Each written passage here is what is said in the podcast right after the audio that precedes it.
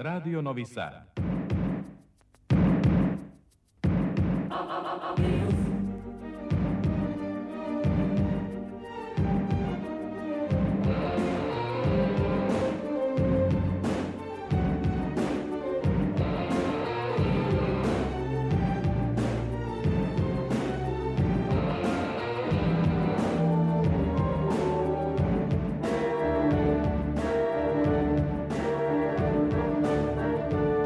Spektar.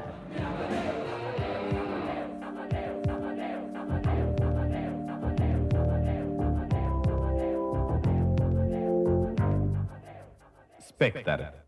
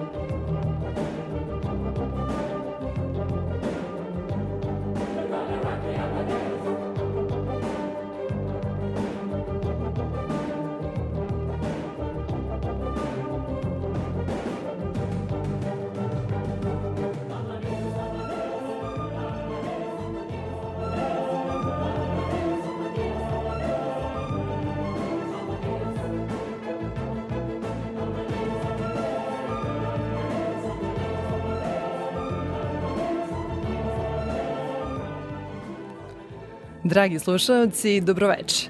Moje ime je Ivana Maletin Ćorilić i želim vam dobrodošlicu u Spektar, magazin za kulturu Radio Novog Sada.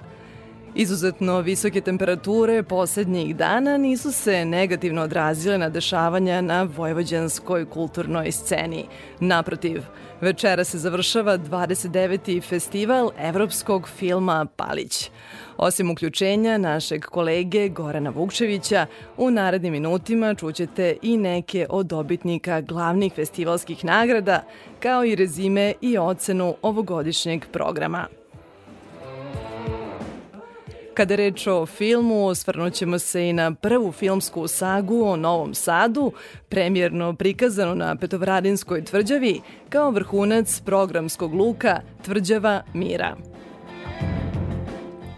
U fokusu Evropske prestonice kulture od danas je Dunavsko more, program koji se bavi temom očuvanja prirodnih bogatstava jedne od najvećih evropskih reka i negovanja kulturnog nasleđa Dunavskog regiona. U galeriji Rajka Mamuzića večera su otvoreni jubilarni deseti Dunavski dijalozi. Novosadski slikar i multimedijalni umetnik Zoran Tairović obradovao je publiku novom izložbom Tarot Velika Arkana u Galeriji Udruženja likovnih umetnika Vojvodine, vrativši se tako izvornom autorskom izrazu slikarstvu. Gost Novog Sada bio je i Damir Zlatar Frej, hrvatski književnik i pozorišni stvaralac, povodom nove knjige Mama Medea, u izdanju Akademske knjige.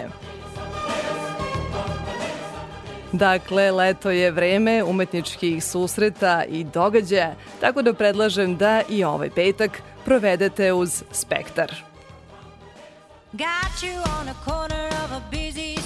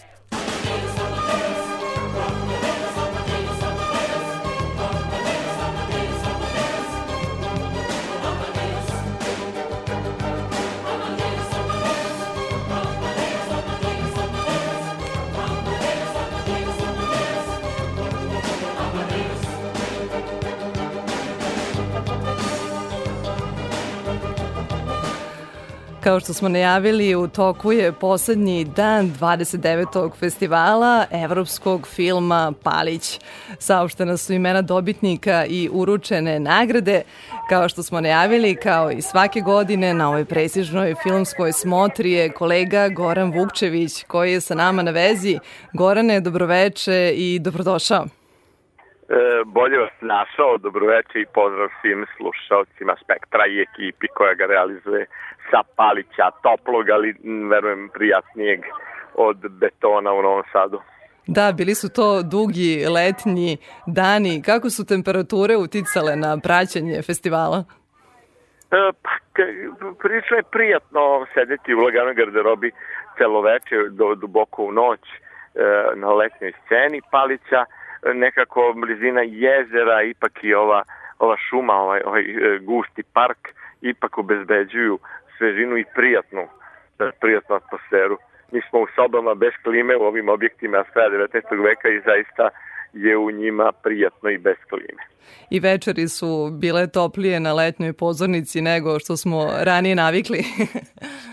jeste, jeste, znali smo da ovaj, se patimo sa komarcima, i da moramo da nosimo neke ćebadi i neke džempere i neke jakne. Ove godine e, to nije bilo potrebno. Gorane, poslednje festivalsko veče, evo filmske projekcije još traju, upravo smo te izvukli sa jedne. Pretpostavljam da su emocije jake i da je slika festivala još sveža, ali evo, za početak, šta je tvoj najjači utisak? E, pa evo, sjajno je da su recimo uh, ove tri značajne ličnosti bile prisutne i koje su dobile ovogodišnje nagrade Livka, tri značajna autora, trojica značajnih autora, dakle Duško Kovačević, prvo veče na otvaranju, uh, jedan od najvećih pisaca i reditelja, uh, vrlo značajan trag u domaćem filmu i bilo je i prirodno da i on dobije Livku, kao i Igor Grilo, uh, poslednji živi glumac iz ekipe Walter Brani Sarajevo koji je izašao pre e, filma koji je izašao pre 50 godina, čuveni Bambino iz filma Most, Hajrudina Krvavca i e, rekao bih čovjek koji je bio velika mlada zvezda početkom 70. godina prošlog veka u Jugoslaviji i upravo je sa pozornice sišao francuski reditelj Michel Azanavisius, dobitnik BAFTE, dobitnik Cezara, dobitnik Oscara, a sada i nagrade Livka i već 15 minuta je kako je krenula projekcija njegovog najnovijeg filma Rez, koji eto e, je otvorio ovogodišnji Kanski festival, a zatvara Palički, uz naravno film Pamfir koji je dobio nekoliko nagrada, a koji je e, posle filma Rez na lesnoj sceni. I to je poslednja projekcija e, Radoslav Rale Zelenović, e, prvi čovek e, festivala na Paliću, upravo je pozvao od 15. do 21. sledeće godine da budu svi živi i zdravi i da se sretnemo na 30. jubilarnom Palićskom festivalu i najavljuje dakle konačno nova sedišta u e, na letnoj pozornici, jer to su još uvijek držane klupe i nije lako izdržati neki put je to i po četiri puna sata na projekcijama sedeći na drvenim klupama. Da, to je jedan od e, festivalskih e, doživljaja. Gorane Velika, koji se pamti dugo, da. Svakako... Moj utisak je kao film, zaista se slažem sa žirijem, dakle, ozbiljan reditelj Kristijan Munđiju, dobitnik Zlatne Pavlone i na Čukanu, napravio je film o problemima savremenog društva, to je film Magnetna rezonanca, E, kroz sliku jednog pograničnog sela u Rumuniji u kome je pomešano rumunsko i mađarsko stanovništvo, dolazi imigranti, zapošljavaju se, e, vlada opšta, opšta da tako kažem, e,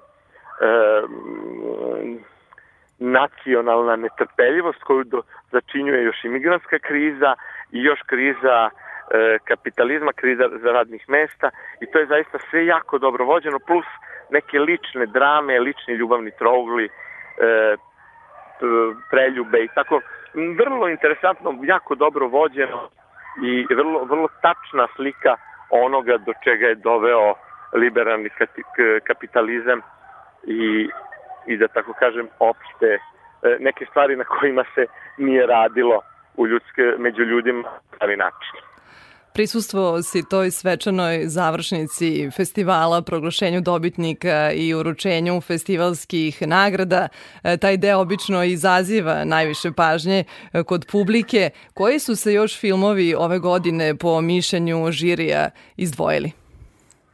E, pa eto, u paralelama i sudarima to je, to je ukrajinski film o jednoj ratnoj veteranki, vizija Leptira, e, i to je Butterfly Vision, taj film je e, nagrađen u paralelnoj selekciji koja, rekao bih, imala bolje filmove od glavne selekcije u kojoj se našlo čak nekoliko naslova kojima zaista nije bilo mesto u zvaničnoj selekciji, ali eto to je lična odluka Nikola Nikitina da napravi takvu selekciju kojom je bilo nezadovoljna, čućemo i to ovaj, Sunčica Unevska, uh, članica žirija, međunarodnog žirija filmske kritike. Uh, evo upravo izlazi autorska ekipa glumač, glumice dve iz filma Rimini koji je dobio nagradu u Fresci. Uh, hello Tessa, congratulations.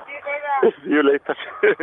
ovaj, divne glumice, ove starija i mlađa, a tu je i glumac ovaj, Michael Thomas uh, koji je takođe bio na sceni.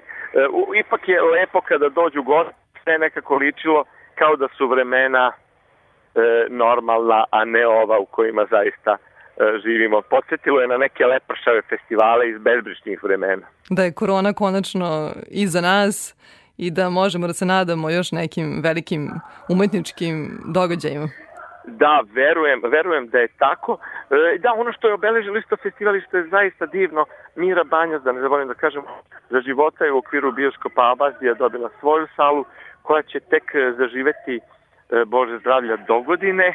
I to je zaista bio jedan dirljiv trenutak, ona uživa ovde veliko poštovanje, ovde, ona je ovde i počasni, počasni e, predsednik e, festivala e, i, i zaista živa legenda, što zaista čini Palić da se izdvaja kao jedan izuzetno kvalitetan festival i prosto je došao u prvi plan na toj mapi e, festivala, ne samo u Srbiji, rekao bih da i u regionu je jedan od najznačajnijih, pa eto i u Evropi jedan od svega nekoliko koji imaju e, kao koncept program evropskog filma.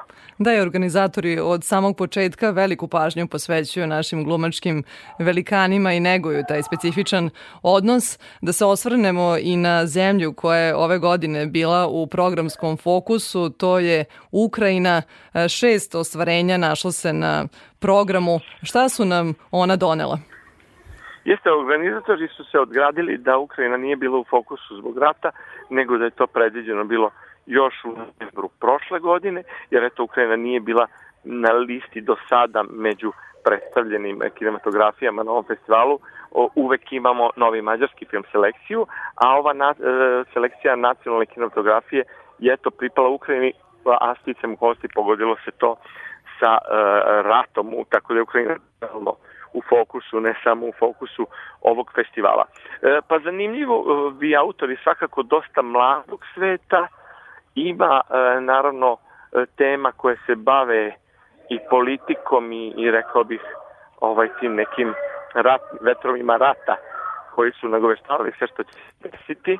U suštini tamo jeli postoje, postoje sukobi već, već godinama u određenim delovima, sad se to raširilo prosto na skoro čitavu Ukrajinu, ali e, u svakom slučaju e, zanimljiva kinematografija. Eto, nažalost, nismo imali ni jedan ruski, recimo, film, a bilo je ukrajinskih i u zvaničnoj selekciji i ovde i u, e, u fokusu selekciju uh, selekciju paraleli sudori radila je uh, Ukrajinka selektorka uh, Nikola Nikitin koji je radio glavnu selekciju ja nisam siguran da li je on iz Ukrajine ali eto prosto je sve nekako ove godine u znaku Ukrajine i ovde na ovom festivalu Za kraj da prokomentarišemo i kakav je bio odziv e, publike. Filmovi su tradicionalno prikazivani i u Subotici i na Paliću.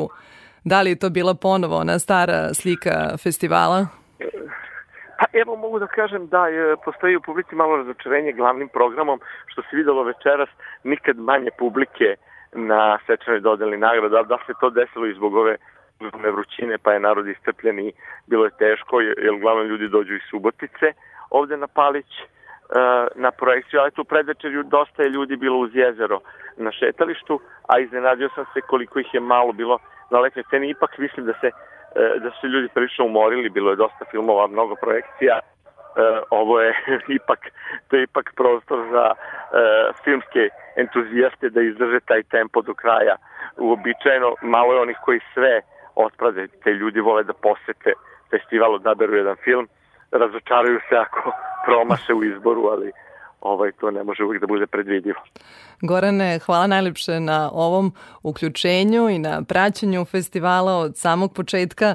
Čućemo u nastavku emisije i tvoje razgovore sa nekim od dobitnika glavnih nagrada, kao i, kao što si pomenuo, sa filmskom kritičarkom Sunčicom Unevskom, koja će napraviti svojevrstan rezime ovogodišnjeg programa. E, tako je, ali to, generalno samo da dopunim, publike je bilo uh, ipak u, u, u, u finom broju kao u dobra vremena, tako da je svakako uspešno prošao 29. festival evropskog filma na Paliću. Čestitke organizatorima i cijeloj ekipi koja je pomno pratila festival. Ostavljamo te filmu. I... Sve najbolje je prijatno. Čuli ste Gorana Vukčevića koji se javio sa Palićem.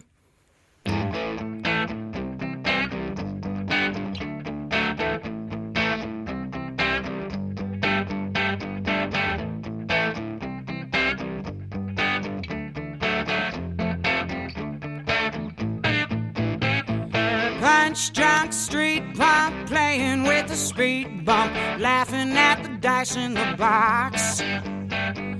Big wheeled, high heeled, banging on the ball field, chewing on a bag of rocks. Slingshot, cold cock, landing on a rooftop, waiting for the turkey parade.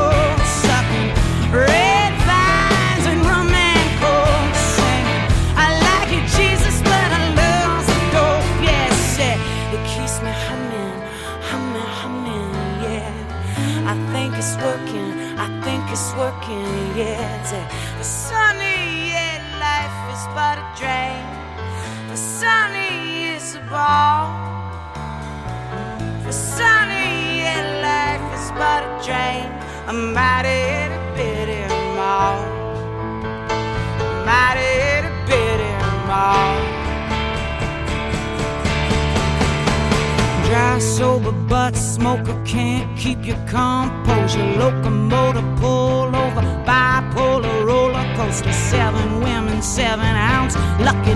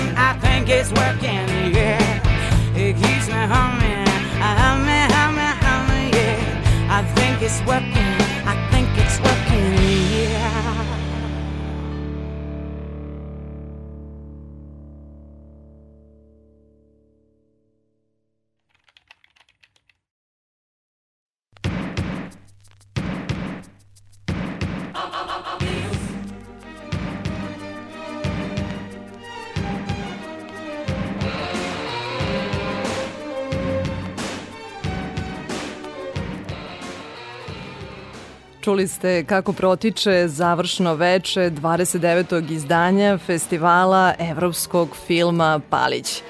Sada je vreme da se prisetimo nekih od glavnih dobitnika nagrada. Naime, na otvaranju festivala Dušanu Kovačeviću dodeljena je nagrada Aleksandra Livka za izuzetan doprinos evropskoj kinematografiji u kategoriji domaćih stvaralaca. Premda Kovačevića ne treba posebno predstavljati, Prisetimo se da je autor scenarija za klasike filmske umetnosti kao što su Underground, Emira Kusturice, poseban tretman Gorana Paskaljevića, Ko to tamo peva, Slobodana Šijana, Sabirni centar, Gorana Markovića i mnogih drugih. Krajem prošle godine, nakon duže pauze, Kovačević se vratio režiji filmom Nije loše biti čovek, koji ima uspešan život u domaćim bioskopima. Da čujemo šta je izjavio povodom nagrade.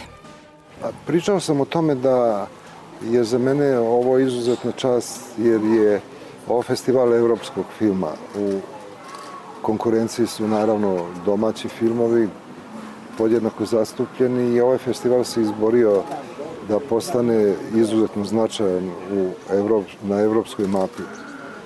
Tako da e, autore koje ste e, naveli e, su ljudi koji su obeležili istoriju evropskog filma. I ne znam od njih koji je više značajan i, čije filmove nismo gledali nekoliko puta.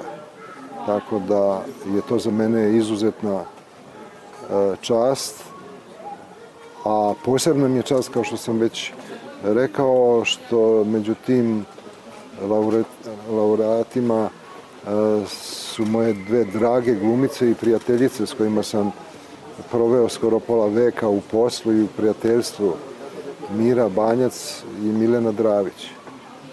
Sa njima sam proveo godine i godine u radu.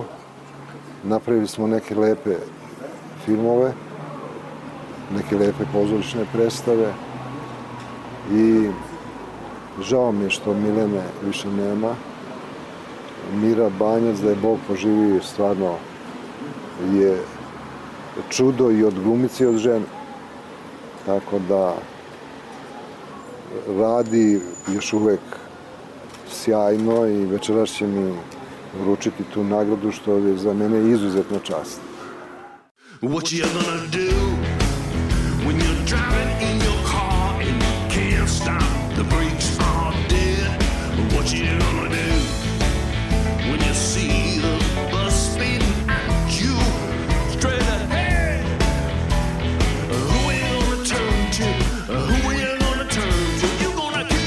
yourself instead? what you gonna do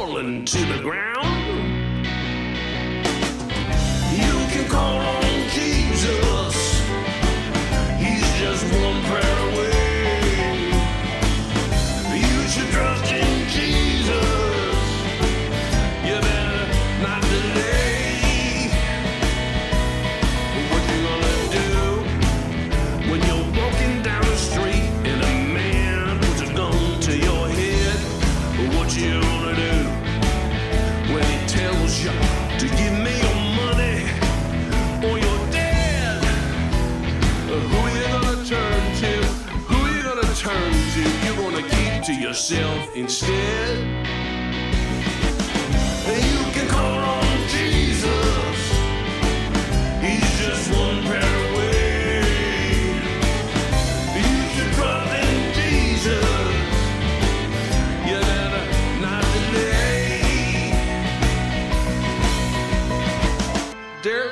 Beloved, we are gathered here today to pay our final tribute of respect to our deceased loved one and friend, Willie.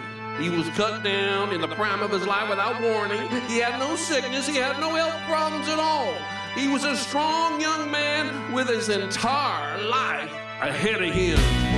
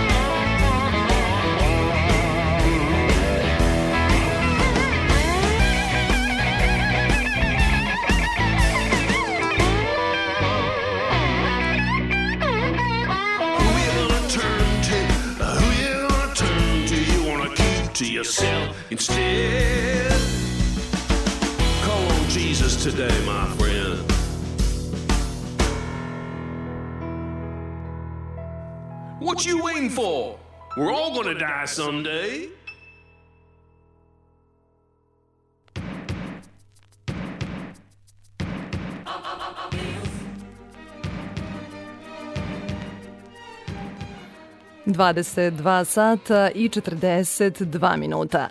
Slušate Spektar, magazin za kulturu, radio Novog Sada. Nastavljamo priču o festivalu evropskog filma Palić, koji se večeras završava. Naime, nagrada Aleksandar Livka za doprinos regionalnoj kinematografiji pripala je glumcu Igoru Galu, koji je u pet decenija dugoj karijeri sarađivao sa najznačajnijim rediteljima nekadašnje Jugoslavije. Najpoznatiji je po ulogama u ostvarenjima Hajrudina Šibe Krvavca Most i Valter Brani Sarajevo.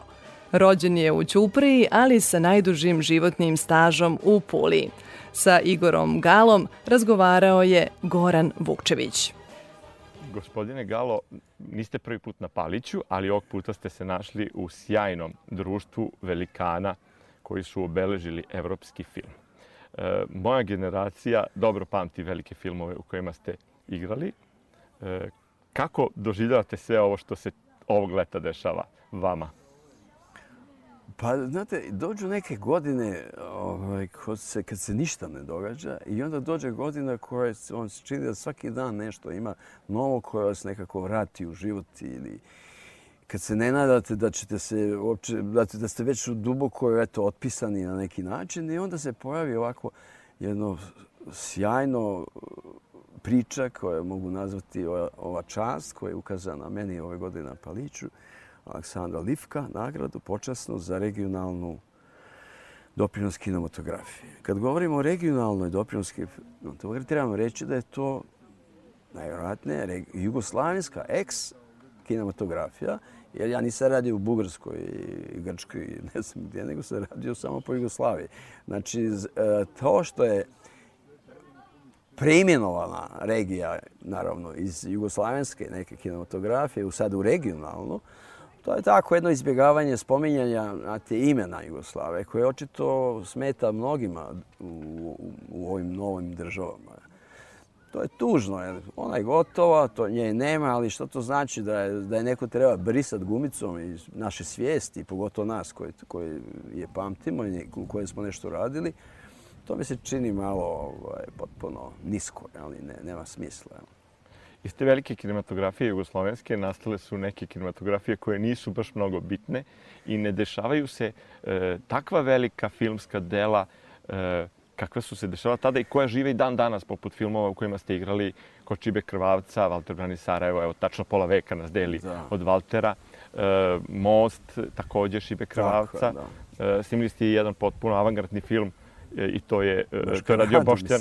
Tako, na Maškaradu. Boštjan Hladnik je to uradio pre e, posljednjeg tanga u Parizu. e, Pre Bernarda Emanuele, na Pre- primjer, je To je bilo potpuno, to je bio da. na neki način i skrajnut, zabranjen film u to vreme. Da, bilo je zabranjeno. Ali znate, kad Niste bežali od opusa različito. Pa ne to, hoću vam samo reći koliko je to bilo zapravo kreativno razdoblje. I kad mi uspoređujemo takozvanu esu, jednoumlje ili diktaturu proletarijata i te naže floskule i tako dalje, ti ste imali potpuno jednu slobodnu, kreativnu, pa gledajte Makaveva, taj je bio, pa onda uh, Žiku Pavlovića, pa Boštjana Hladnik, to su to bili poludisidenti, onda Žilnik, Žilnik naš. koji je dobio Zlatnog Pa to medveda. Da, i, pa gledajte, to su nastajali tu. Znači da je jedna vrsta, da je to bila atmosfera i za vrhunsko stvaranje i za svaku vrstu suradnje, što je bitna razlika. Vi sad nemate tu kreativnu masu, nigde. Nijedno, nijedno je od ovih država. Nastaju neki filmovi koji se manje lepe za publiku. Pa, pa ne može se zalijepiti kad, je, kad, je, kad su one kalkulantske u startu. A publika raspoznaje ovaj, da je nešto rađeno sa pozadinskim nekim interesom ili nekom političkom možda podrškom i šta sve nema. Jel? I naravno da, to, ovaj, da se to čita, da to publika raspoznaje. I ne trpi laži. To je, I ne, ne trpi da je neko manipulira. Jel? I zato i ne gledaju. E, Svaka čast filmovima koji su dobri, ali to su, može se nabrojati na prste, ruke koje publika ide s radošću u kino. Jel? Ali je, to nažalost nije česta pojava. Eto, ja gledam jučer počela u arena u Puli, pa imate otvaranje festivala u areni poluprazna arena, parte je poluprazna, gledam slike iz toga. Znate, to, to je vrlo problematično i za film i pogotovo nacionalnu kinematografiju. Ne možete, morate imati nekakav potpuno drugi vrednostni sustav uvesti unutra. Da bi, se, mi, da bi vratili naravno i publiku na način koji ona očekuje da, da dobije iz filma. Jel? To je vrlo, skoro jednostavno de- definirati, ali teško napraviti. Pored jugoslovenskog evropskog filma, vaša karijera se dotakla i Hollywooda. Igrali ste kod Sema Peckinpah u Gvozdenom krstu i bili ste izbori Kočova za film koji je nastavak Navarona uz Harrisona Forda, ovamo uz Maksimilijana Da, Šela. da, to su bila velika imena te epohje. O, ovaj, kako ima nekih anegdota, kakve su iskustva bila na tim ozbiljnim, visokobudžetnim snimanjima? Pa vidite, to je opet e, bilo zbog toga što je Jugoslavija bila partner dobar. Imali smo jake producentske kuće koji su omogućile takav servis hollywoodskoj produkciji. Znate, to je, ništa nije slučajno. Mi smo imali ekipe, evo, Avala Film ima jednu cijelu ekipu koja je perfektno obsluživala na engleskom jeziku svaku vrstu produkcije. Jadran Film imao dvije ekipe. Potpune, znate, sav servis, od kamere do svega. Sve savršeno, samo režiser dođe i, i radi. Vi tu sad ne možete ponuditi nijednu Hollywood. Mi ovdje kod nas snimaju samo traže statiste, catering, salvete, ovo, znači vozače. Ko će da patinira? Tako je. I ko će da patinira nešto. Da... To znači da ste postali samo teren za snimanje, a niste kreativni partner. To je bilo bitna zlatno razlika. doba, Aval i zlatno e, doba za- Jadran filma. Pa zato. Znate da je Jadran film bio najprofitabilnije poduzeće po ostatku dohodka u Jugoslaviji. Znate zašto? Zato što je naplačivao te usluge hollywoodskim cijenilnikom. razumijete? I ostatak je bio velik. I, I to je ne po obimu novca, ali je po rezultatu, znači po ostatku novca koji je ostajao nakon takvih usluga. I mi smo bili uvaženi partneri. E, nije slučajno da je jedan Branko Lustig iz takve Jadran filma, iz te produkcije, otišao u Hollywood i dobio dva Oscara za produkciju. Da, radio on je došao iz toga, da, on je došao iz tog ambijenta. Tu je, tu je kreiran, tu je ispekao zanat. To mi zaboravljamo. To je nešto što ne može da nestane. E tako, čovek. eto, i tu je razlika. Tako smo imali i druge e, filmske radnike po cijeloj Jugoslaviji. Vi ste u Beogradu fantastične e, priče koje su servisirali kinematografije svijeta. Jeli? I vidite, mi to sad ne radimo. Mi smo sad, mi sebe ne možemo da servisiramo. Danas živite mnogo mirnije nego u to zlatno doba, ali niste odustali od filma. E, Pa nisu. Šta je, šta je ono što se sada dešava filmski u vašem, u vašem životu? E, znate, kad, kad, kad je film dio onoga e, što živiš dnevno, i to nije zato od filma do filma kad me zovu. Ja živim dnevno, razmišljam, promišljam film, imam studio, isto to, imam montažu. Sve imam. O, jel me, jel mene on, mene on zanima. I meni se, on, on raduje me dnevno. On, ja nis, nije mi, kako bih rekao, nisam zasićen tim. I uvijek me nešto isprovocira zgodno i, i zato je to možda drugčije. I ne zavisim toliko od, od toga da me neko baš uh, zove ili ne zove ili kako to već ide. Osim toga i ne živim u metropoli. Znate da, ti se sad, znate, da se sad se sve događa u metropolama našim. Sve, U Beogradskoj metropoli, u Zagrebačkoj, Ljubljanskoj. Na periferiji nema ništa. Ali ste se izmakli i našli svoj mir. Pa dobro, a to je zato što, ovaj, znate, živjeti u Zagrebu, snimati filmovi, sve pare speskat nije neka radost posebno. Onda čovjek dođe pameti, pa se ovaj, kaže, alo, spori malo loptu stavi da vidi da se sredi život, a ne da, šta znam, da jurim nekoga da me filmove. Ja vam želim i dobro zdravlje i još mnogo Dobro. filma u vašem životu, još dugo bavljenja Pa hvala, eto, možda i bude i kažem, i imam planova, ali imam planova na globalnom planu. Imam, zato što, kažem, ideja mi je da, da završim film, o, dokumentarni film, dugometražni, o festivalu Jugoslavijskog igranog filma. Zbog čega? Zbog toga što tu film najmanje važan, nego je festival obavljao više struku ovaj, ulogu. On je bio u doba hladnog rata, je bio susret istoka i zapada. Kad istok nije dolazio na zapad, u Kanu, od tih umeta, ili to bila takva hladnoratovska logika, ali se u Pulu moglo doći i sa istoka i sa zapada. Tu su sretli Kinezi Amerikanci, Francuzi, i, i Rusi, Italijani. I to je bilo jedno oaza gdje se to moglo. Inače, Ameri nisu išli u Moskvu, ne znam, Rusi nisu išli u Kan ili ne znam gdje drugde. I tu su bili svijetovi potpuno odvojeni. Jeli? Dok nije, ne znam, došao neko u Kan, na primjer, kao što su oni čuveni filmovi ruski kad se otvorio. Jeli? I onda je jedan buknala ta, ta jedna potpuna novitet, je to znate dobro kako je to funkcioniralo. Ali u Jugoslaviji to je bila prirodna pojava u Puli, da se sretnu svijetovi i da je to najnormalnije. Tu se, tu se nisu samo filmovi događali. Tu se događala kupovina, trgovina. Tu se film ugovarao, planirao novi.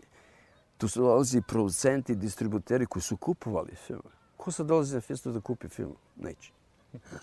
nema veze. Da Niko baca ne, pare. nema ništa. Nema para. A, a tada se to održalo. Jer, a osim toga, oni su jedini imali para. Oni su davali život festivalu. Oni tu zakupio, šta ja znam, pet restorana, svaka premijera je imala sto prijemova. Što nema, ovi nemaju za crkavicu. Koja filmska ekipa je može doći ovdje, bude pet dana i sa glumcima da zove sve i da, naravno, potroši, šta znam, par hiljada eura na večeru. Da, to je Nema. ko, ko pamti stare i visoko E, a, e pa festivale. tako, e tad je, a tad je to bio život. I onda kaže, kako festival više ne? Pa nije, nema takvih ljudi. Nema, I nema. nema to platiti. Ko? Solonski festival je do krize imao budžet 11 miliona Pa, evra. tako. I onda dođe Coppola i uveća značaj festivalu. Tako. Dođe Tako za je. 4 miliona. Tako je. Eto, vidite. I, i, i evo, to su vrlo jednostavne stvari. I sad, naravno, kad smo još i male zemlje, će to je ko piramida. Ne možete vi, mala piramida, mali temelj. Yes. I nema ništa. Ona je bila ovakva piramida, bila akumulacija, bilo je tržište. I... Pa to svi ljudi znaju ko hoće malo da misli. I tako. Da, zašto sve velike zemlje hoće da ostanu velike? Zato. zašto Amerika hoće da ima 55 država ili koliko ima? Zato. Zato što je masa. Tako. Ali dobro, mi smo sad sami kao, jel? Ali smo i siromašni. Hvala najlepše na razgovoru. Molim.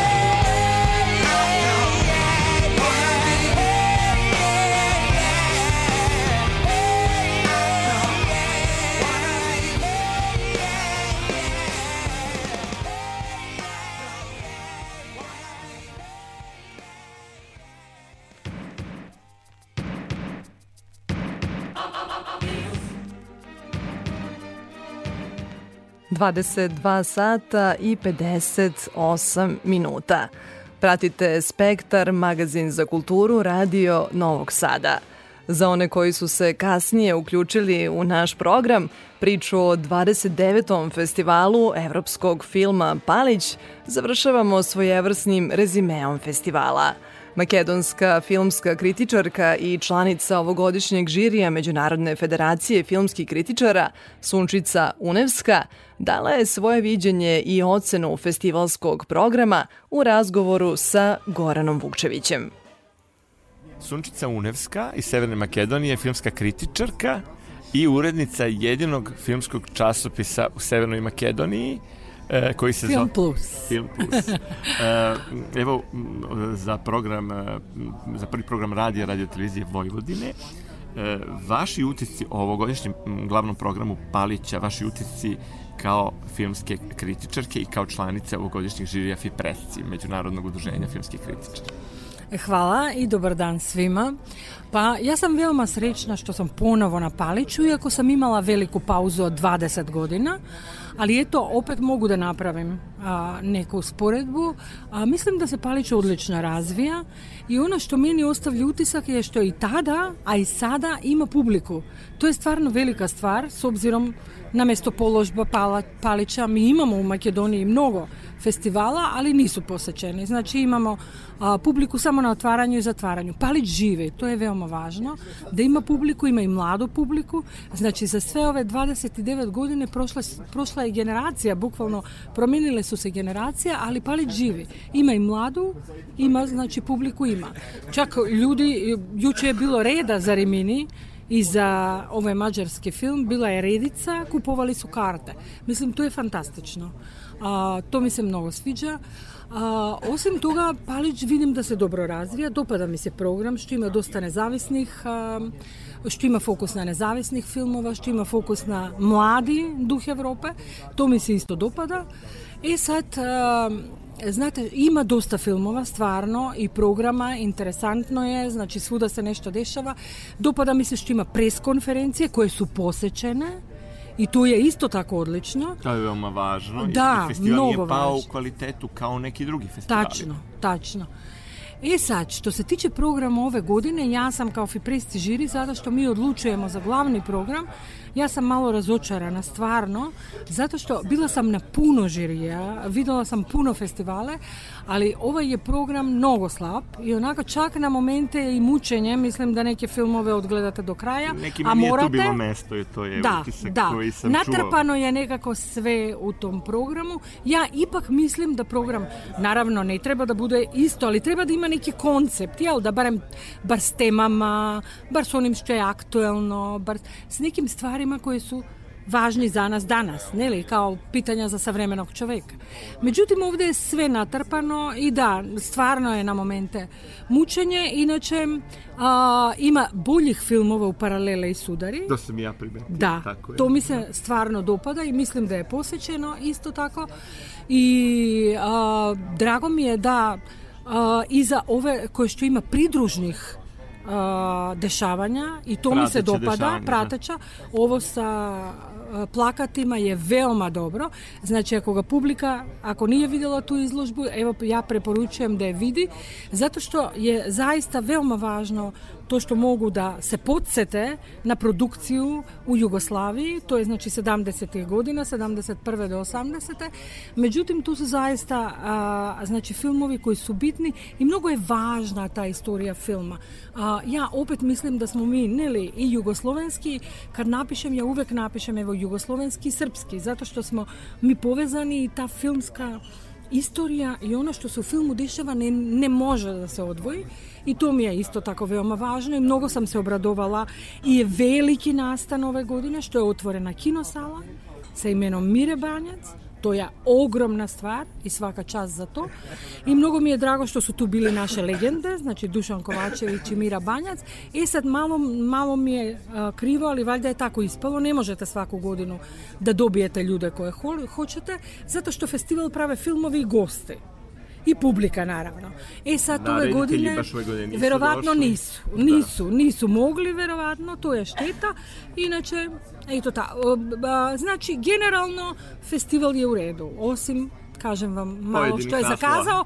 Dobro, to je na, najvažno. Glavna programa je Arbet festivala, ali eto, valjda će biti bolje iduće godine. Hvala najlepše, bila je ovo Sunčica Unevska, e, filmska kritičarka i novinarka iz Severne Makedonije. Hvala Dobro vama. nam došli na Palić uvek i na ostale festivale. Hvala i vama, nadam se. Prejudice. Wrote a song about it. Like to hear it? Here it go. Free your mind.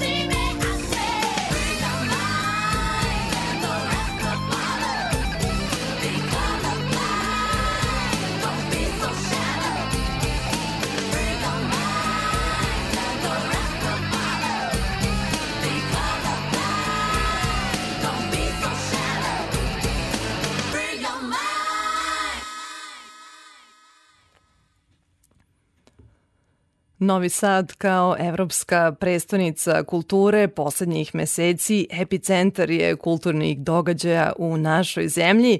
Dugo očekivana prva filmska saga o Novom Sadu ugledala je svetlost dana proteklog vikenda kao kulminacija programskog luka Tvrđava mira Evropske prestonice kulture.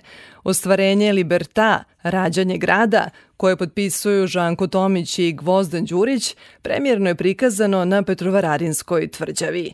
Do mesta projekcije platoa ispred hotela Leopold publiku su u šetnju kroz barok od samostana Svetog Jurija, najstarije crkve u Petrovaradinu, poveli kostimirani mladi umetnici, dočaravši pritom atmosferu filma. Uzbudljiva priča o nastanku Novog Sada, odnosno borbi žitelja Petovradinskog šanca da od Bečkog dvora izvojevaju status slobodnog carskog grada, okupila je više od stotinu članova filmske ekipe. Glavna ženska uloga pripala je Tamari Krcunović.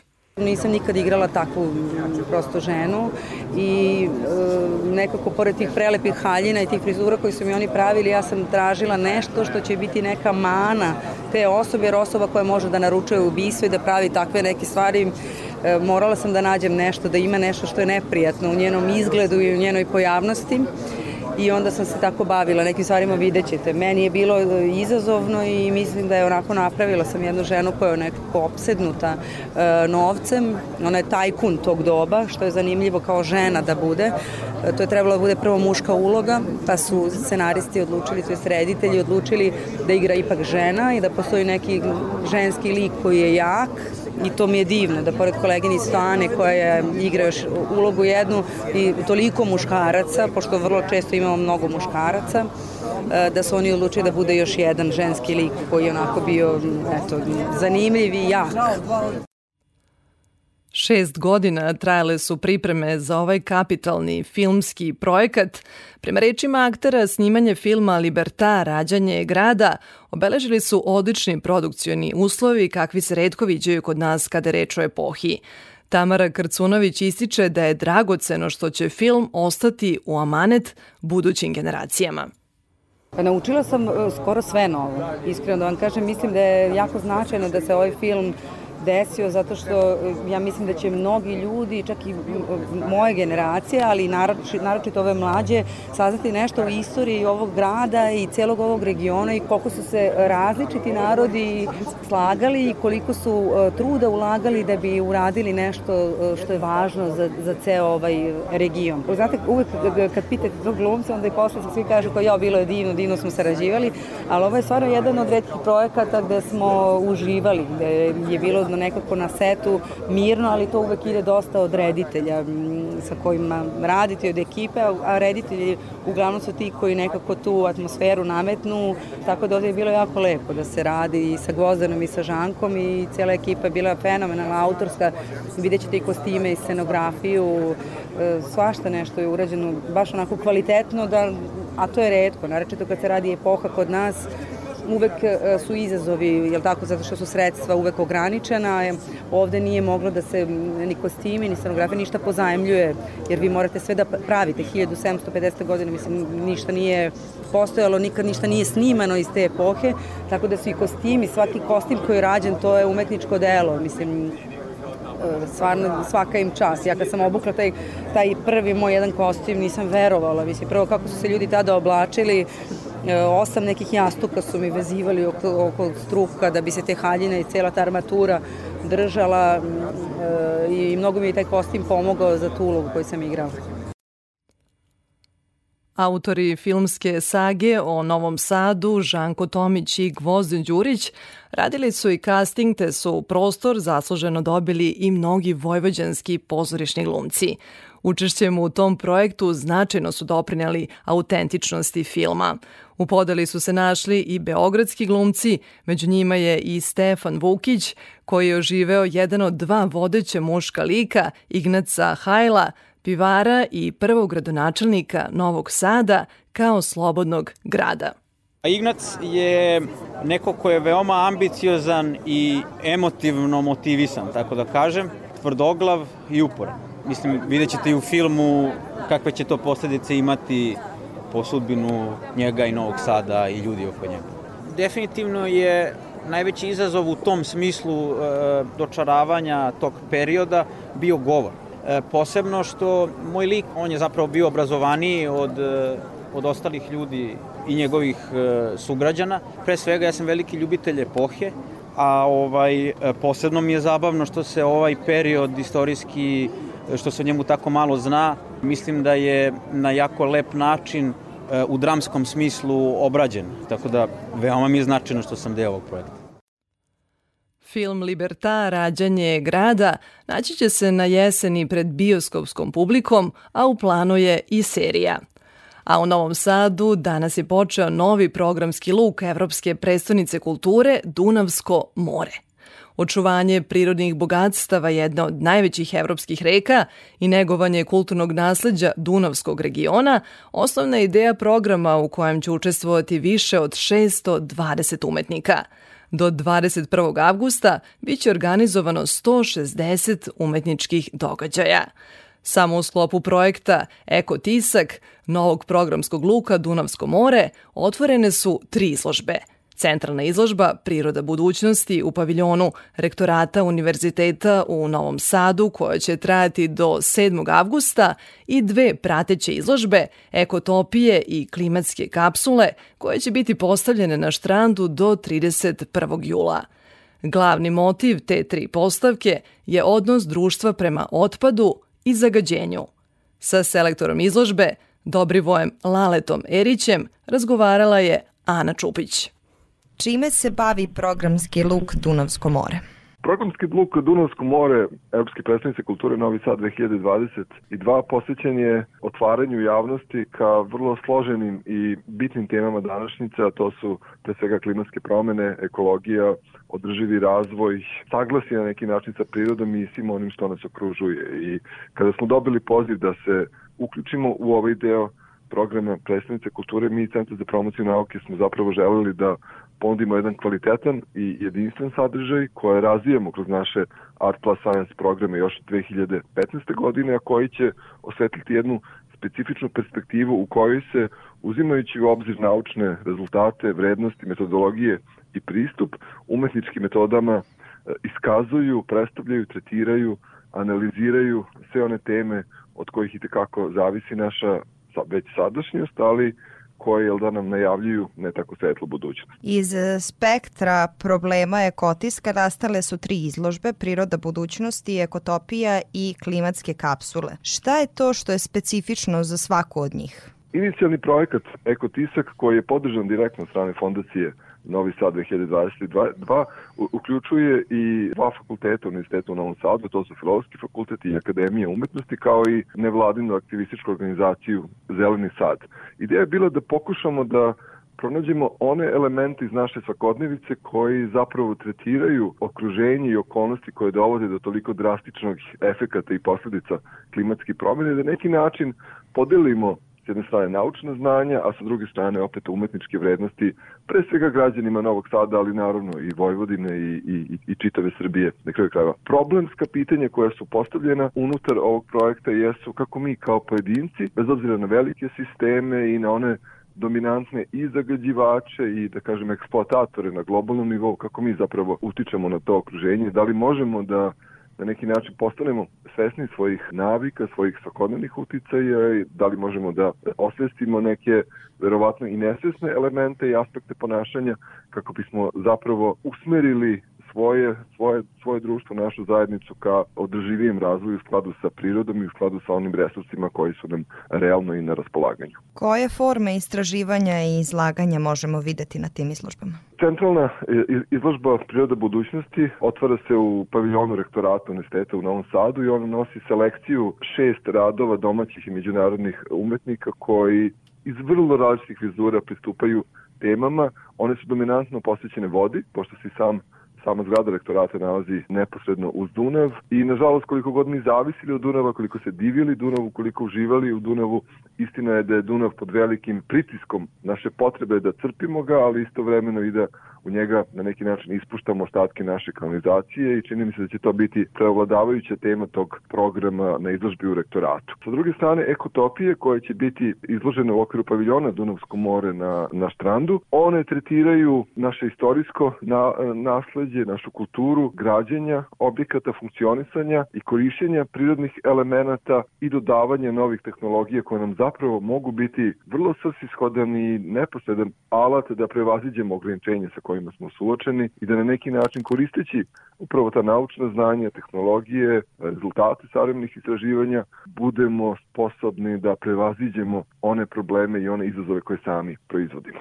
Konačno, treći segment klimatska kapsula je zapravo eksperimentalni program koji centar razvija poslednjih godinu i nešto dana. U pitanju je mobilna i modularna instalacija, dakle to će biti transformacija jednog vozila koje u sebe učitava opet naučne i umetničke sadržaje kako bi nas direktno suočio sa vrlo ve verovatnim scenarijima naših, naše klimatske budućnosti. Scenarijima koji su pretpostavljeni, koji su realni, ali koji dalje mogu da budu izbjegnuti u nekoj meri ukoliko budemo svesni na koji način možemo da se što brže prilagodimo na one promene koje su već očigledne u našem okruženju, a sa druge strane, ukoliko budemo dovoljno pametni da znanja ljudi, pojedinaca, nauke, umetnosti, kulture uopšte primenimo i što brže integrišemo u naše oblike i modele ponašanja. U tom smislu, klimatska kapsula je jedan, e, jedna upozoravajuća instalacija, ali instalacija koja ne nudi nužno samo mračne perspektive, već zapravo motiviše i inspiriše svakoga posetioca da zaroni u svet budućnosti, u svet koje definišu naši današnji postupci i da zapravo pokušamo da budućim generacijama ostavimo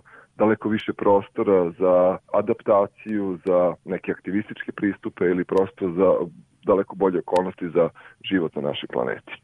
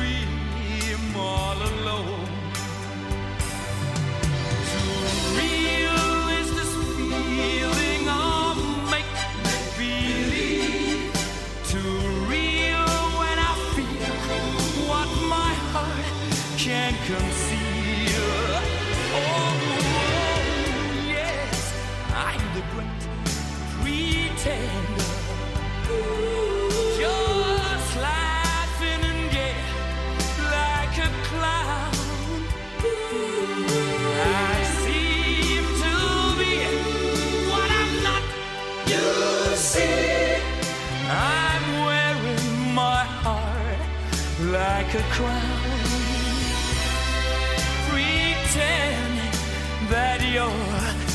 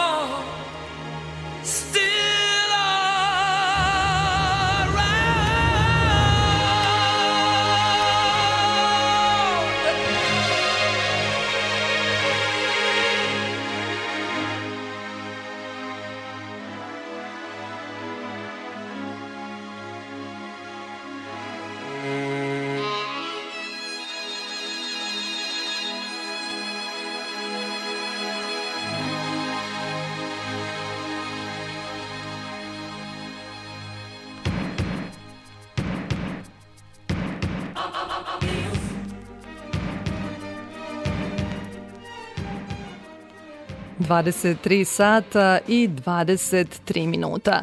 Slušate radio Novi Sad.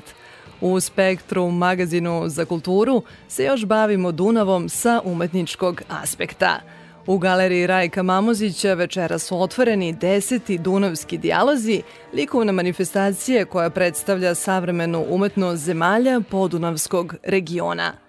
Proteklih godina bila je to jedinstvena prilika da u Novom Sadu bolje upoznamo recentnu umetnost podunavske Evrope, a rezidue programa festivala znali su da se prošire i na mnoge evropske i svetske umetničke scene. Dunavski dijalozi bili su i uspešna pokazna vežba kako privatna inicijativa privatne galerije, koliko god posao bio naporan, može biti uspešna i važna za likovnu scenu Vojvodine. Jubilarno izdanje trenutak je kada će u koncept manifestacije biti unete i neke promene, kaže u razgovoru sa Aleksandrom Rajić, galerijskinja i osnivačica Dunavskih dijaloga, Vesna Latinović. Deseti Dunavski dijalozi i deset godina ove manifestacije koje nam je eto proteklih e, godina predstavljala, pokazivala šta je to savremena umetnost zemalja i umetnika podunavskog regiona. Kako ćete obeležiti ovaj jubilej? Prirodno, s obzirom da je Novi Sad Evropska predstavnica kulture ove godine, to je nešto što je zaista jedna izuzetna situacija, prilika da se svi koji u stvari se bavimo kulturom u Novom Sadu i sve š, značajno što radimo bude još vidljivije, bude još značajnije. Poklopilo se da je u istoj godini i deseto izdanje festivala Dunavski dijalozi. Mi jednostavno nastavljamo sa tim konceptom da predstavljamo najaktuelnije umetnike podunavskog regiona, da predstavimo naše umetnike uh, u okviru uh, segmenta Novi Sad Plus, ali evo ove godine ponovo imamo zemlju gosta, a to je e, zemlja Japan i Novosadđe će imati prilike u okviru Dunavskih dijaloga, zahvaljujući EU Japan Festu i Evropskoj predstavnici da vide izuzetno modernu i zanimljivu izložbu u Muzeju savremene umetnosti Vojvodine koja se otvara 12. avgusta, e, zove se Small Reboots. E, to je, reboot je termin iz, iz informatike i znači neko ponovno oživljavanje. Misli se na ove tokove, nove situacije nakon COVID pandemija, pri tome su umetnici koje predstavljamo se bave novim tehnologijama i koriste robotiku, kompjutere, sve ono što nekako i očekujemo od Japana kao visoko razvijene zemlje, pa a, i umetnosti se naravno to reflektuje. A šta ćemo to u izvornom programu od petka moći da vidimo?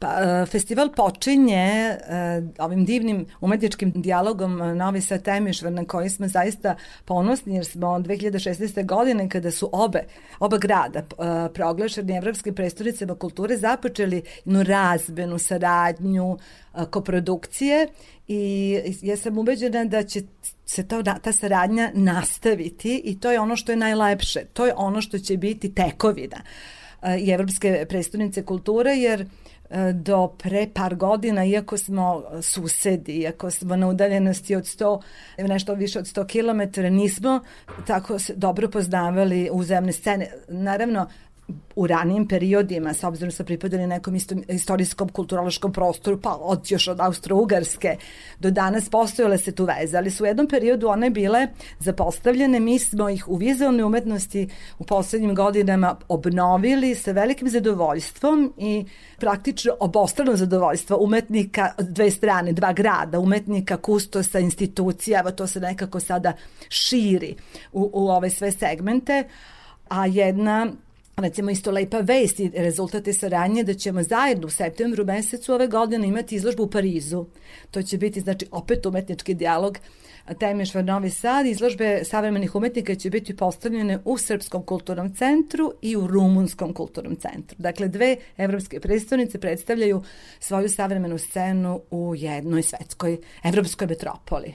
Da, Rumunija inače ima zanimljivu uh, tu savremenu likovnu scenu poslednjih godina, ono što vidimo na Dunavskim dijalozima i ono što vidimo uh, u Novom Sadu, to su umetnici eminentni umetnici koji su dolazili uh, u Novi Sad i uh, izlagali. Ko je, osim rumunskih umetnika, još gost na ovogodišnjim Dunavskim dijalozima? Ja bih samo dodala kad govorite o, o sceni rumunskoj, mi smo sad upoznali više tu temišvarsku scenu, ona je izuzetno živa i ne samo, to se ne vidi samo na našim dunavskim dijalozima. U Temišvaru postoji paralelno jedan izuzetan, uh, jedna manifestacija Art Encounters sa međunarodnim ugledom, a ne samo to, nego su u poslednjoj deceniji savremeni rumunski umetnici priznati i prisutni na, na međunarodnoj sceni.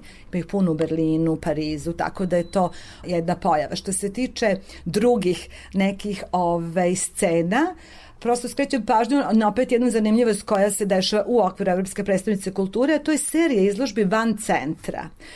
Osmišljeno je tako da savremeni umetnici iz Srbije koji žive u zemljama podunavskog regiona tamo su etablirani, afirmisani, ugledni, biraju dva umetnika iz svoje sredine i e, predstavljaju, organizuju izložbu u Sremskoj kamenici, dvorcu Karačonji, u Mihizove kući u Irigu, u Karlovačkoj gimnaziji, u Zavičajnom muzeju u Čereviću, gde, dakle, u objektima našeg kulturnog nasleđa, koji je negde njihovo kulturno nasleđe, pozivaju kolege i zajedno sa njima predstavljaju baš najaktuelniju savremenu umetnost. Mislim da je to, da je to zanimljivo i da se to upravo i uklapa u taj koncept Evropske predstavnice koja ima tu zonu 021, a ne vidimo da se jako puno, ovaj, da, da se puno stvari dešava u toj zoni. Evo, ovog avgusta je to prilika s tim što se ta serija završava na Petrovaradskoj tvrđavi gde se prepliću različite umetničke discipline pa ćemo imati i performans i ples i muziku opet ona jedna uobičajena šetnja dunavskih dijaloga od sata na terasi tvrđave dole do podgrađa i trga Prote Mihalčića gde završavamo sa koncertom grupe Taj. Deset godina je naravno trenutak kada se projektuje budućnost. Kako vidite u buduće manifestacije Dunavskih dijaloga, zapravo imam u vidu i to da se i ove godine na neki način Dunavski dijalozi račvaju, evo vidim na Sloveniju, ako sam dobro shvatila. Pa Slovenija jeste zemlja Dunavskog makroregiona i mi smo do sada imali predstavnike e, slovenačke scene, vrlo zapažene umetnike. Ovog puta ona je na neki način u fokusu. U fokusu je zbog toga što je i Maribor bio evropska predstavnica najbliža nama osim Pečuja, jel? Geografski prethodna predstavnica kulture ono što je se drugačije u odnosu na prethodna izdanja je da smo se, ne, se proširili vremenski, da poče, festival počinje u julu, a da se završava sredinom septembra, jer upravo se uklapam u programski luk Dunavsko more jer ovaj, znamo da je Dunav, što je sasvim no, normalno, geografski važan i nama kulturološki važan u gradu bio i jedna od okosnica te aplikacije i opšte projekta Evropska predstavnica kulture. Tako da, ovaj, mi smo, baveći se Dunavom, primetili tu evropsku strategiju, jel, makroregiona gde su u stvari uključene bivše jugoslovenske zemlje i to je nama isto bila zanimljivost i ponovo neko osveženje da vidimo šta se dešava na scenama Bosne i Hercegovine, Crne Gore, Slovenije, tako da eto Slovenija ove godine u fokusu. Što se tiče uh, budućnosti, definitivna odluka umetničkog direktora i moja je da pređemo na bijenalni format. Dakle, Dunavski dijalozi sledeći će se desiti 2024. godine. Pokazali smo koliko možemo, e, naporno je organizovati svake godine, a s druge strane i format nekih svetskih manifestacija vizualne umetnosti je bijenalnog karaktera, tako da ćemo se u to uklopiti, dakle idemo više na kvalitet, ne idemo Kondenzovano. na kondenzovano, eto, ovaj, po sa ovim iskustvom desetogodišnji mislimo da, da znamo što treba raditi dalje, pa evo vidjet ćemo kako će to ići. Chain, chain, chain. Chain, chain, chain. Chain, chain, chain. Chain of gold. For five long years, thought I was your man. But I found out I'm just a link in your chain. Oh, you got me where you want me. I'm nothing but a fool.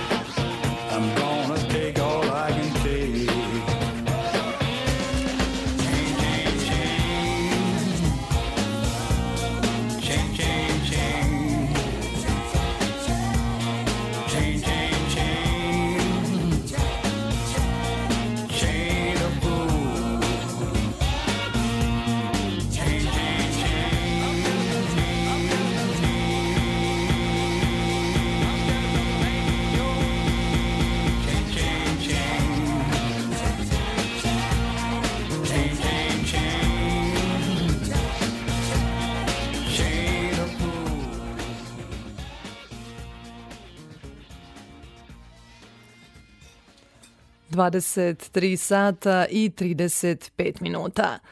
Poslednje minute ovo nedeljnog spektra posvećujemo hrvatskom književniku i pozorišnom stvaraocu. Naime, Damir Zlatar Frej predstavio se srpskoj čitalačkoj publici novim romanom Mama Medea u izdanju akademske knjige.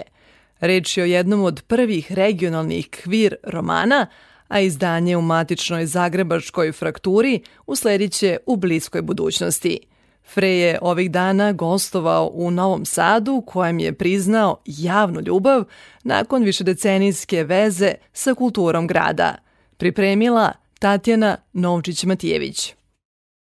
Mama Medeja je visoko sofisticirani, istovremeno dirljiv roman o stigmatizovanim ljudima, ali i o empatiji i umetnosti koje jedino donose slobodu.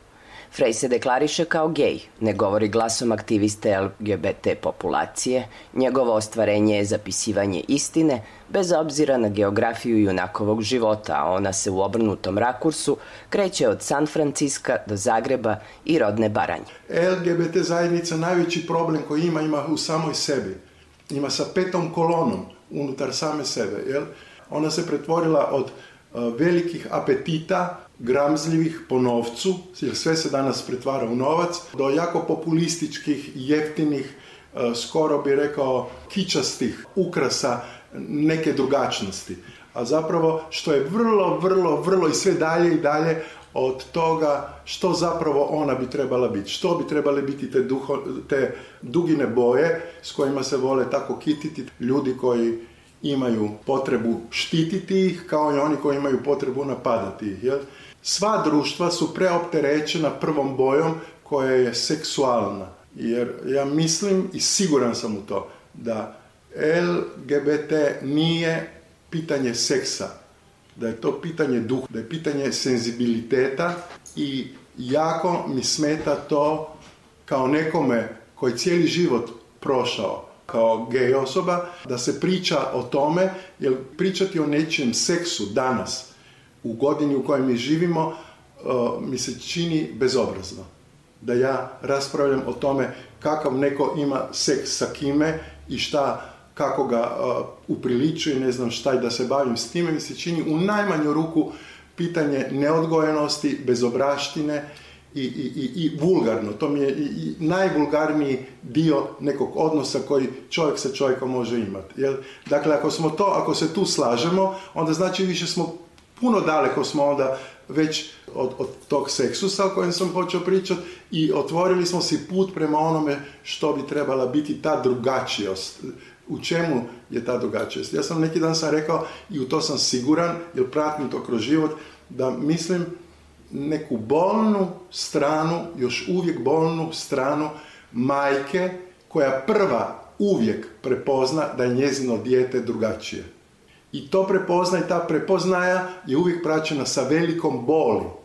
Tu bol koju ta majka ima do djeteta koje ga je ona otkrila da je dijete drugačije i ona to nema mogućnosti iskomunicirati s nikim. Dugo, dugo vremena. Dok ta ideja u njoj se ne procesuira i dok ona ne odraste da može o tome progovoriti, to je jedna velika i teška bol. Zašto? Jer majka ima iskustvo života već.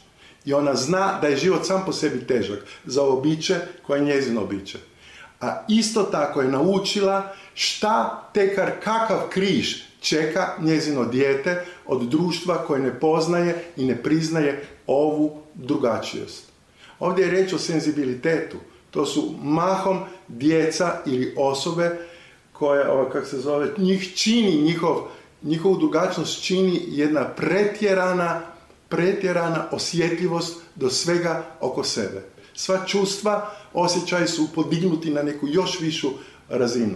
Pa iz toga nije čudo da je upravo ta zajednica svijetu dala najljepše lice koje svijet ima. A to je svijet umjetnosti. Kada bi gledali od Šekspira, na primjer, da pogledamo Michelangela, pa Amadeusa, pa Mick Jagger, do ljudi koji su stvorili to što danas imamo, ljudi koji su nam dali internet, ljudi koji su nam dali struju. To su sve najvidniji junaci toga društva. Susrećemo ljude koji a priori mrze i bacaju kamenje. Umjesto da bi shvatili i gradili neko poštivanje, da je ta skupnost je zadužila svijet na koncu konca možda više od svih drugih skupnosti. Dok su jedni ga razgrađivali, ovi su ga gradili. I naravno da na agresiju se odgovara agresijom. I ja vidim u ovim našim krajevima, da tako kažem, da je ta agresija sve jača i jača. Odgovor je jači i jači. I ta zajednica, ova knjiga govori da će se dogoditi u jednom trenutku da će zajednica tražiti ono što je stvorila nazad. I da će uzeti svijetu ono što mu je dala, dok svijet ne počne poštivati tu drugačiju, drugačijost. Jel? Roman Mama Medeja objavio je prvo srpski izdavač, u Hrvatskoj će uslediti uskoro. Freja raduje ta činjenica. Drago mi je da ovaj roman evo će doživjeti svoju praizvedbu, kako kaže u teatru, a on je zapravo jedna vrsta literarnog e, nekog kozmosa kazališnog, ovaj, zbog toga što je likovi koji se pojavljuju u njemu su umjetnici, jel? Njihova sudbina je takva kakva je i ovaj, drago mi je da možemo i, i u ovom dijelu, ja bih rekao nekada, znate, teško je nekad misliti, kada ti godinama, godinama, godinama misliš jednu o, o, geografiju, da je to tvoja domovina, onda je jako teško u jednom trenutku pristat na to da to više nije tvoja domovina, da ti si sad tu neki stranac i onda svi glumatamo neke nove, neke nove, tražimo neke nove odnose, nešto se pravimo, mi pa, vi pa tako, a zapravo mi smo sve jedni te isti ljudi koji smo i uvijek bili i zapravo prošli smo kroz jedno veliko iskustvo boli i hvala Bogu ako nas može umjetno spojiti ponovo u životu i to je na koncu konca svrha umjetnosti, tako kako ranjene spaja ponovo u istu neku ljudsku čovječu, kako bi rekao, obitelj tako i ima namjeru spojiti one koji nešto ne razumiju da bi bolje razumjeli. Ta je knjiga nastala s tom ovom namjerom. Ja nikad ne bi pisao ovakav sadržaj kad ga ne bi u životu proživio i bio mu jako blizak, kako bi rekao. Ja nemam, niti sam imao ikada probleme. Ja u Novom Sadu sam imao jako puno prijatelja, ali ja njima nikada u nikom sistemu nisam lagao da sam ja neko drugi od onoga što ja jesam. I zato valjda ta prijateljstva tako strasno i traju.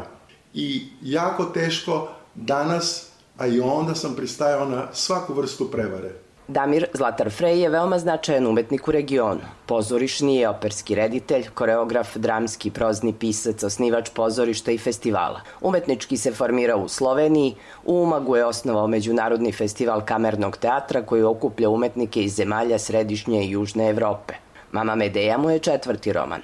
Dobitnik je najznačajnijih nagrada u Hrvatskoj i Sloveniji. U Novom Sadu već par godina deluje Carpe Librum, klub čitalaca Damira Zlatara Freja sa više stotina članova iz cele Vojvodine.